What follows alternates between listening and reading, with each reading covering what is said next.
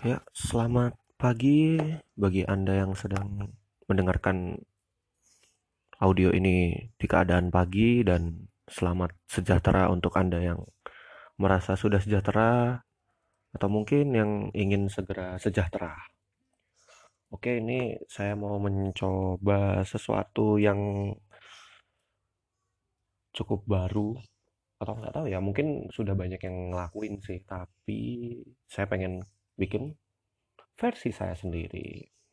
Oke, selamat datang di sesi membacot buku. Jadi di audio ini saya akan membaca buku dan ya dengarkan saja saya membaca buku sambil saya bacotin ya. Jadi membacot buku. Hmm, jadi buku yang ingin saya bacotin adalah The Subtle Art of Not Giving a Fuck sebuah seni untuk bersikap bodoh amat, buku terlaris versi New York Times dan Global ada Club and Mail, pendekatan yang waras demi menjalani hidup yang baik. Bikinan Mark Manson. Mark Manson. Oke, ya terima kasih yang sudah memberi saya buku ini atau sebenarnya saya dipinjami tapi ya sampai sekarang belum di tagih sih dan saya juga tidak ada keinginan untuk mengembalikan. Kurang ajar sekali. Ya terima kasih untuk kamu yang ada di sana.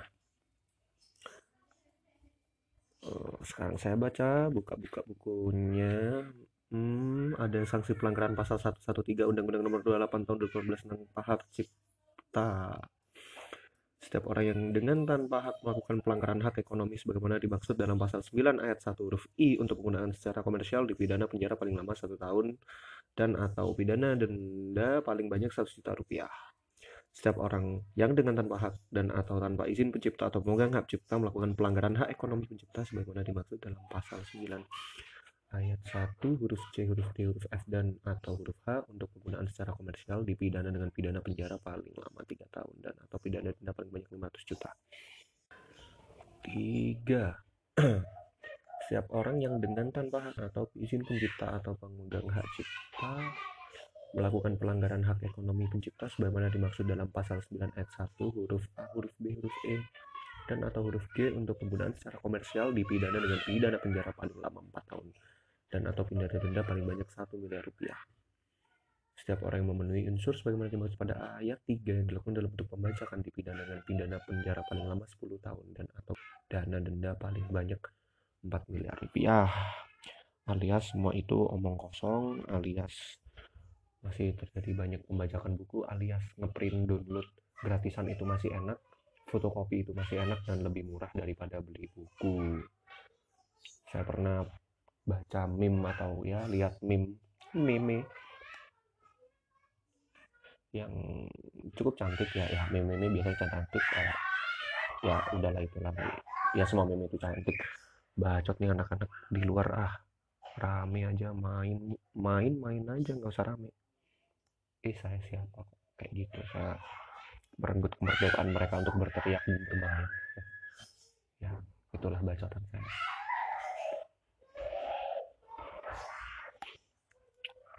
yang meme itu kayak kayak gambarnya tuh tulisannya minat baca masyarakat Indonesia masih rendah. Terus di bawahnya meanwhile harga buku di Indonesia. Ya memang masih pricey. Tapi emang ya ilmu itu memang mahal tapi ya ya pricey ya ya ya wajar kan kalau shit ini rokok apinya ngebakar tisu goblok. Asyik ah, asap kena mata. Johnson and Johnson. No more tears tidak perih di mata. Kontrol. Duh. ya mohon maaf ya kalau saya sering bad words. Menggunakan kata-kata kasar profanity cursing dan mesa meso mesa meso. Ya mohon maaf kalau anda agak annoyed dan cringe karena itu. Ya karena saya memang toxic cringe oh seru sekali itu anak-anak bermain di luar.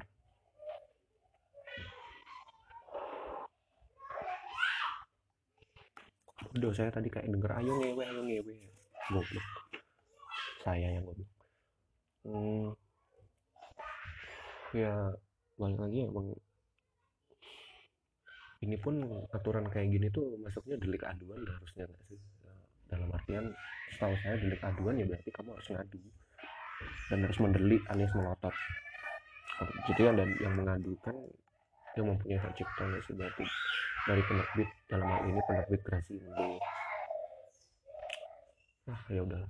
Ya gue baca. Sebuah seni untuk bersikap bodoh amat pendekatan yang waras dan menjalani hidup yang baik ini di New York Amerika Serikat oleh penerbit Harper One dengan judul asli The Subtle Art of Not Giving a Fuck 2016 571840004 diterbitkan bahasa Indonesia pertama kali oleh penerbit PT Gramedia Widya Sarana Indonesia.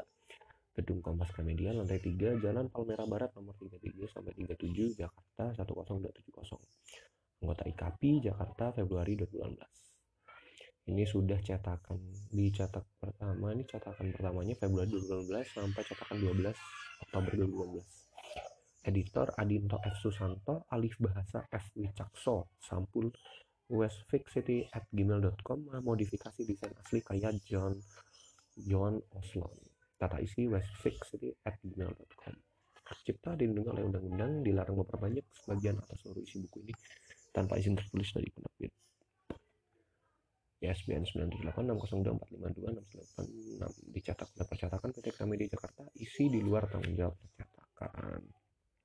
Isi yang mana dulu ini? Kalau isinya ada kesalahan cetak yang kayak salah halaman atau apa ya mungkin bisa jadi kesalahan penerbit. Kalau salah tipu-tipu ya editor.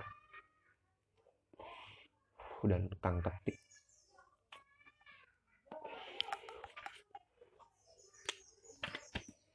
sebentar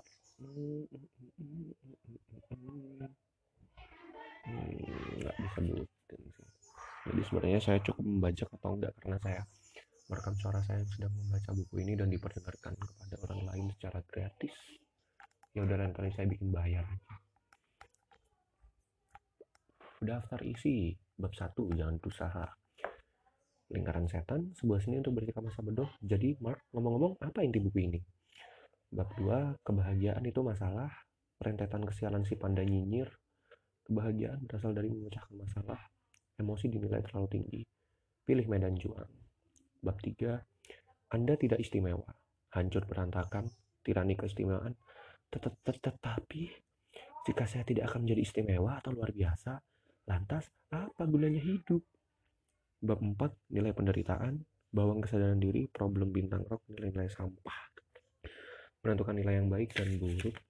Bab 5 Anda selalu memilih pilihan salah kaprah, tanggung jawab, rasa salah, menanggapi tragedi, genetika, dan warisan, pernah menjadi korban, tidak ada bagaimana, sudah saya malas baca, bla bla bla bla bla, orang umum, orang umum. Ini saya langsung baca ke bab satu aja ter. Kalau saya buat saya sambung yang daftar isi tadi. Bab satu, jangan berusaha. Charles Bukowski dulunya adalah seorang pecandu alkohol senang main perempuan, pejudi kronis, kasar, kikir, tukang utang, dan dalam hari-hari terburuknya seorang penyair. Saya tidak terlalu mencandu alkohol, saya tidak terlalu main perempuan. Saya judi nggak ya? Kasar iya, kikir iya kali ya. Tukang utang iya banget. Tapi bukan penyair sayanya. Bacot. Dia barangkali adalah manusia terakhir di muka bumi yang bakal Anda mintai nasihat tentang kehidupan atau nama terakhir yang ingin Anda lihat dalam deretan buku motivasi jenis apa pun. Nah, ini ini kata baku kita nasihat atau nasihat karena di sini tulisannya nasihat. Justru fakta itulah yang menjadikan sosoknya sempurna untuk memulai buku ini. Bukowski bercita-cita menjadi seorang penulis, namun karyanya terus-menerus ditolak oleh hampir setiap majalah surat kabar, jurnal, agen, dan penerbit yang pernah dihubunginya. Tulisannya sangat hancur, kata mereka. Kasar, menjijikan, tidak bermoral. Dan begitu tumbuhkan surat penolakan bertambah tinggi, beban dari kegagalan tersebut mendorongnya ke dalam sebuah depresi yang kian diperberat oleh alkohol yang terus menghantui sebagian besar hidupnya. Sehari-hari Bukowski bekerja sebagai seorang penyelesaian surat di sebuah kantor pos. ia digaji sangat rendah dan hampir seluruh uangnya dihabiskan untuk minuman keras. Barulah sisanya ia pakai untuk berjudi di pacuan kuda. Malamnya ia minum-minum sendirian dan kadang menuntaskan puisi di mesin tik usangnya. Kerap kali dia siuman di lantai setelah pingsan semalam sebelumnya. Ini tahu dari mana? Ya barangkali ini dari buku biografinya kali ya. Saya lupa juga. Saya sudah sudah baca ini berapa kali? Udah baca tiga empat kali ini mungkin keempat atau kelima kalinya. Dan dengan bodohnya tidak paham-paham. 30 tahun berjalan tanpa artis seperti itu. Hampir seluruh waktunya ada dalam bayang-bayang alkohol, narkoba, judi, dan pelacuran. Kemudian saat Bukowski berusia 50 tahun, setelah seumur hidup merasa gagal dan membenci diri sendiri, seorang editor di sebuah penerbitan independen kecil menaruh minat yang aneh terhadap dirinya. Jadi Bukowski.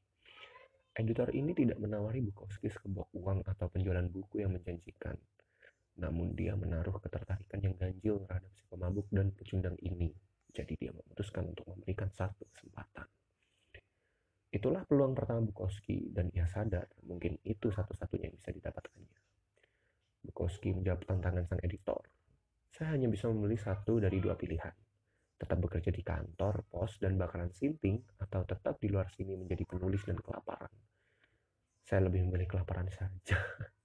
berarti dia sebenarnya nggak mau nulis atau penulis dan kelaparan jadi satu kesatuan setelah menandatangani kontrak Bukowski menulis novel pertamanya hanya dalam tiga minggu. Judulnya sederhana Post Office. Di dalamnya dia menulis tidak dikasihkan untuk tak seorang pun. Kelak Bukowski mencatatkan diri sebagai seorang penulis novel dan puisi yang sukses. Dia terus berkarya dan menerbitkan 6 novel dan ratusan puisi, menjual lebih dari 2 juta kopi popularitasnya melampaui halaman setiap orang terutama ekspertisnya sendiri. Udah 12 menit dulu ya